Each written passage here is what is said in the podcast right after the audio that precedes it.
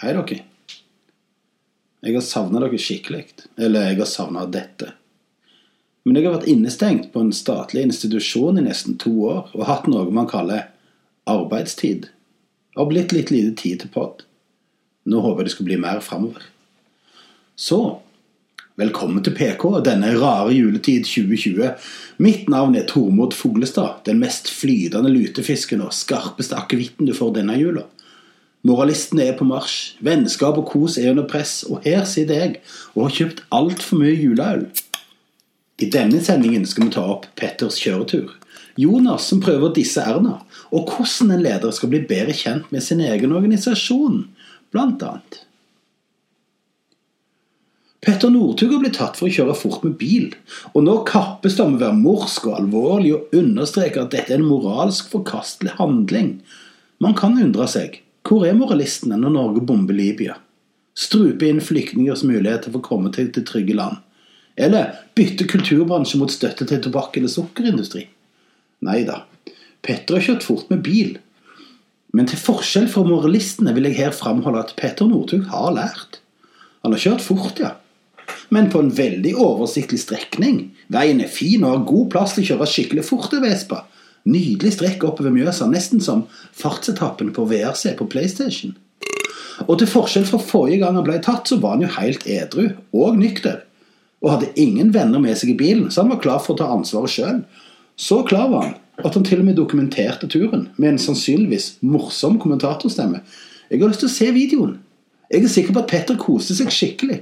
Nå skal jeg ydmyke deg og bare ralle forbi to hunder! Jeg tror det er det verste for moralistene. At Petter har kost seg. Han har sikkert ledd som en skikkelig glad gutt. For det er faktisk, selv om det er ulovlig, skikkelig gøy å råkjøre med bil. Alle som bor i Norge og er glad i å kjøre bil, vet det. Men han har sittet der i rettssaken og blitt tvunget til å være alvorlig. Si det er alvorlig. Man skal ikke le råkjøring. Det er helt feil. Jeg kan fortelle at det går fint an å le av råkjøring og rusbruk. Nå skal du få en fortelling fra bygda i gamle dager, Sandnes på 70-tallet, som er akkurat som alle andre steder i Norge. Jeg begynte å røyke det samme året som jeg lærte meg å kjøre bil. Jeg vet ikke hva som var vanskeligst, egentlig.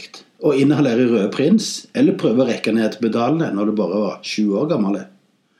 Ett trekk med en Rød Prins. Hele verden snurra rundt. Vi måtte sette oss ned for å ikke falle om kull. Og magen og tarmene kollapser, og ned er opp, og opp er ned. Vi elsker det. Gjennom hele barneskolen røykte vi alt vi fikk tak i. Vi røykte siv, te, muskatnøtter, globoid pakka inn i sigarettpapir, bibelpapir eller kladdeark med limstift. Men den første opplevelsen av Rød Prins, den fikk vi aldri. Helt til en dag vi fant alkohol. Vi begynte med øl, det var ikke så farlig. Og der var det igjen følelsen. Verden som snurra. Ei halv flaske øl, og så var det vanskelig å stå igjen. Vi elska det. Vi drakk alt vi kom over. I løpet av 7. klasse, altså 8. klasse, var vi gjennom alt som fantes av lovlig alkohol. Først blandinger av det de voksne hadde på sine fester. Øl, vin, sprit. Vet ikke. Ned i ei flaske, ned i en sekk, ut i skogen. I hemmelige hytter i bomberom for krigen. Vi hadde prinsipper, da. Vi drakk kanskje alt vi fikk tak i. Men det var én ting vi var helt enige om. Hasj, det rørte vi ikke. Det var ingen som røykte hasj. Og så fikk vi plutselig en ny mann i gjengen. Han var ett år yngre enn oss. 15 år, altså. Han bodde i Oslo, stjal biler og gjorde brekk. Og røykte hasj. Og når han fant fram hasjen, så var det ingen som engang prøvde å protestere. Aldri har et prinsipp forsvunnet så fort. Vi var flinke til å rulle røyk fra før, og nå fikk vi i tillegg lært å mekke. Mitt første kule faguttrykk. Mekka. Mekker du? Ja, jeg mekker. Når du mekker en joint med hasj, da, så varmer du først opp hasjen akkurat passe til den er myk. Så smuldrer du den sammen med tobakk som du har klippa opp til fibrene blir korte. Og kuleste er liksom å holde hasjklumpen mellom to fyrstikker, tenne fyr, så du brenne litt sammen med fyrstikkene, og så smuldrer den sånn kult inn i tobakken uten at det klumper seg. Og vi mekka trompeter og tulipaner og røykte bong, laga vinflasker som du bare putter en liten stein oppi, og så lager et hull, og så fyller du flasken med røyk, og så Vi elsker det. Men vi ble utrolig sultne, så jeg og kompisen tok mopeden hans bort til Bras gatekjøkken. Og siden dama hans jobba på Bras, så kunne vi spise så mye vi ville uten å betale noe som helst. Femdoble pommes frites med ost, eller triple cheeseburgere med ekstra ost og bacon, salat, sylteagurk, bearnés, ananas, ketsjup, sennep og ellers alt som fantes av tilbehør. Og det glei ned i en bølge av latter og glede. Det er galt å si at vi stjal alt sammen, men vi stjal alt sammen. Blanda hummer og kanari og trykte i trynet på rusmidler og gatekjøkkenmat. I Sandnes har det for den tida vært mye blandingsmisbruk. Men jeg så aldri på meg sjøl som en som blanda rusmidler. Jeg drakk øl, kanskje litt vodka eller hjemmebrent. Begynte med hasj. Og litt amfetamin. Jeg har bare prøvd amfetamin én gang. To. Jeg har aldri vært tilhenger av å blande noe annet enn piller og alkohol og hasj og amfetamin. Og kokain kanskje én gang, men ikke noe annet. Bortsett fra heroin, men det var bare en joint, ikke rett i blod, liksom. Da er det jo stopp.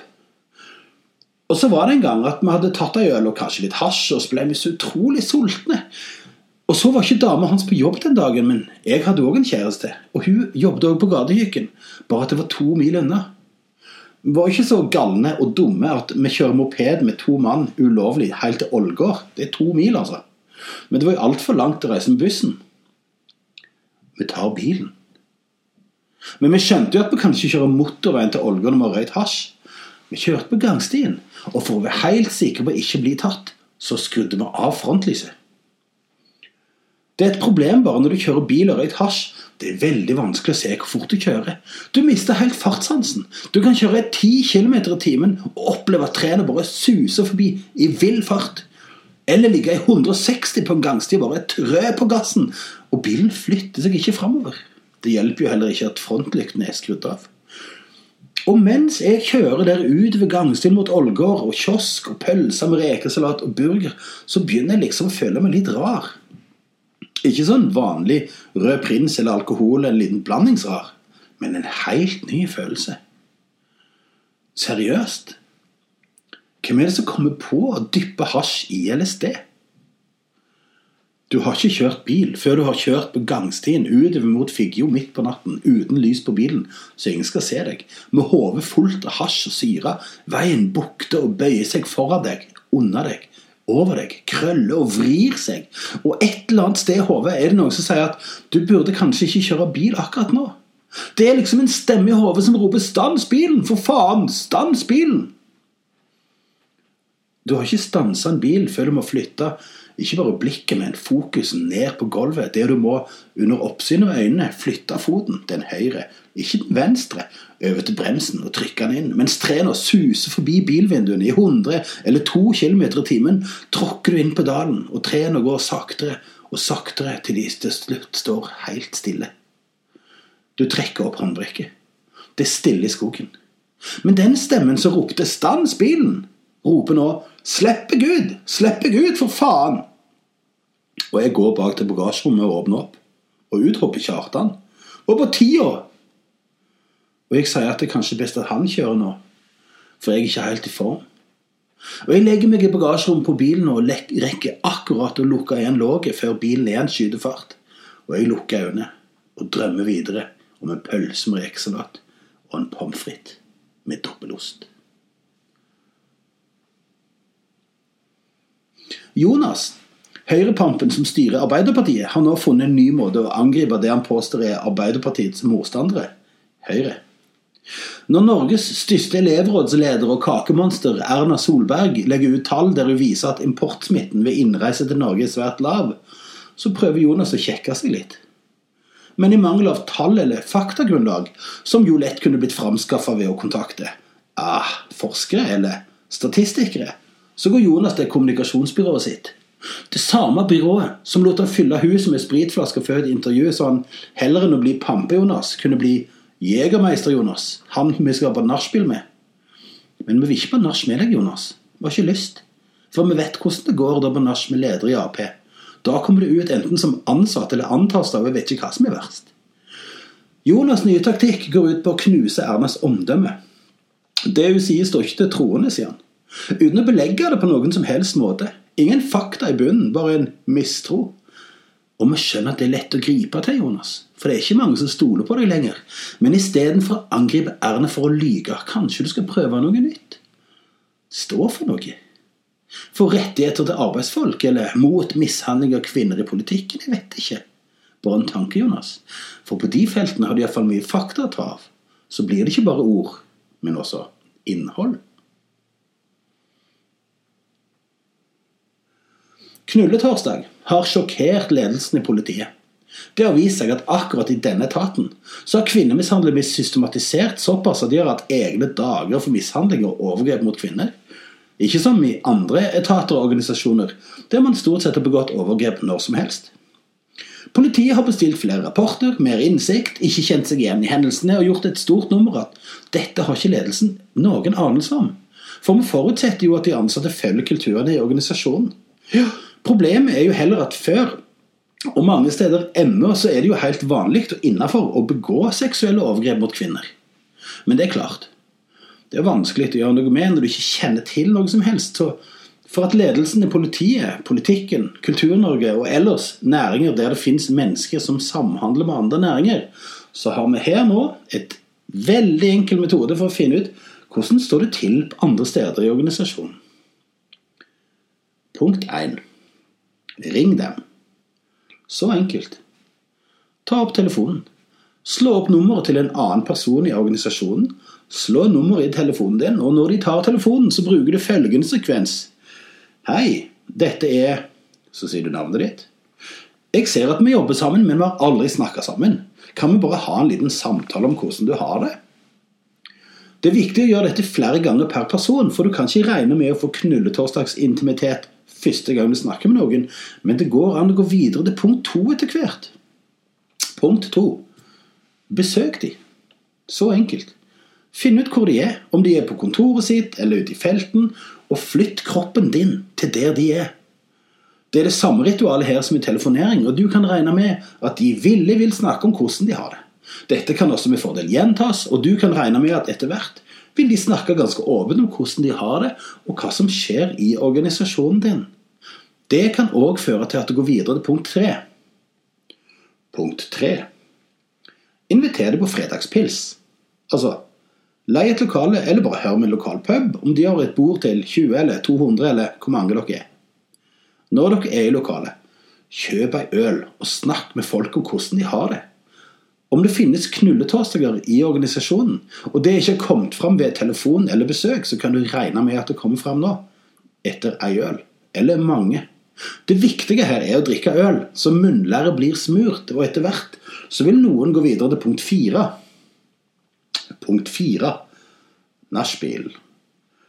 Dette er den ultimate kontaktskaper mellom kolleger, om det er ansatte eller ledelse. Det viktige her er at du har mye å drikke, og at en del av dette er brennevin. Du kan godt være overflod av andre ting i tillegg, men altså, du blir ikke hot uten shot. Nå kan du regne med å få betroelser, kjærlighetserklæringer, fortellinger fra gamle dager og minst to forslag til handling som er godt over grensen til det du anser som hva kolleger bør gjøre på fest.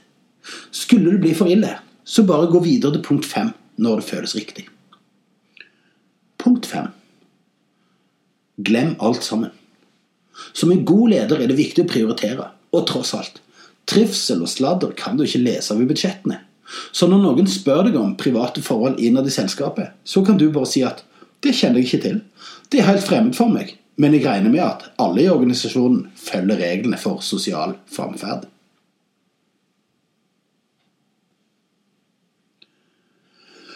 Det er mye alvor nå. Vi har alvorlige folk som sier at ting er alvorlige. Regjeringen kan stå der og si at vi må være alvorlige, ta ting på alvor. Ta smittesituasjonen på alvor. Sitte i hvert sitt rom og være alvorlige. Og iallfall ikke dra på grottefest på Sankthanshaugen eller bryllup i Sarpsborg. Ikke på pub i Oslo heller. Eller noe som er ukontrollert eller bare en innskytelse. Ikke noe sammen med vennene dine. Ikke engang om du er 20 år og på utveksling i Norge for et annet land. Og hele familien din er i hjemlandet. Alt du har, er ti folk i et studentkollektiv å dele noen glass med. Til og med da kommer politiet og skal bøtelegge dem med to månedslønner i bot. For å være menneske.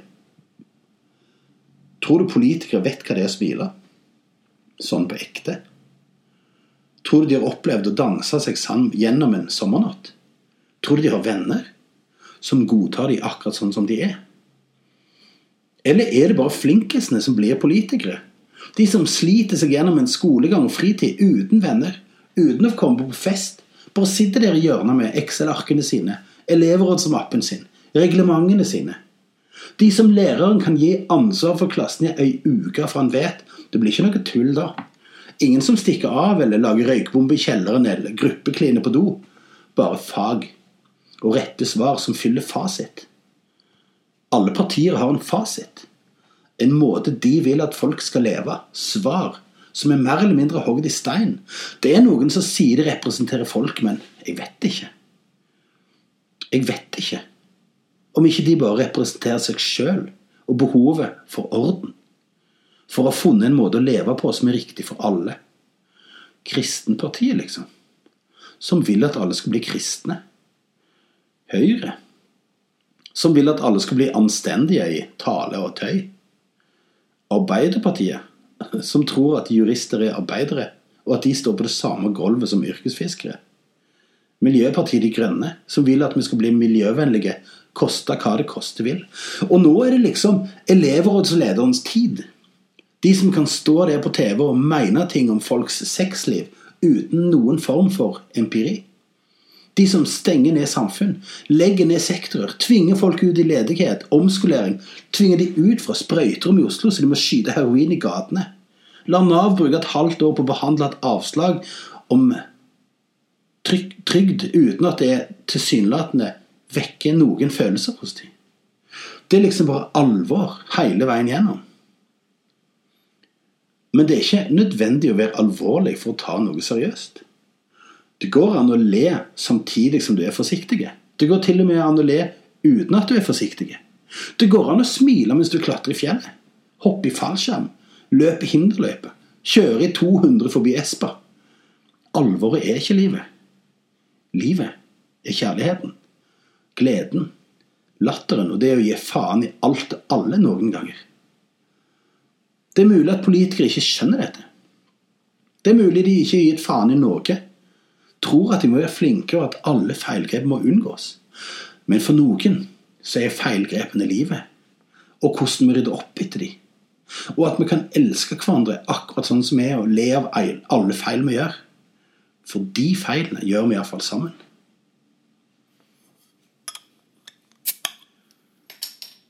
Det var alt jeg hadde denne gangen. Jeg skal gå og fortsette å bli juleølene nå. Skifte vann på pinnekjøttet. Og teste at akevitten er bra nok. Den har vært det hittil, men du vet jo aldri. Ha en god midtvinter. PK er tilbake før du aner.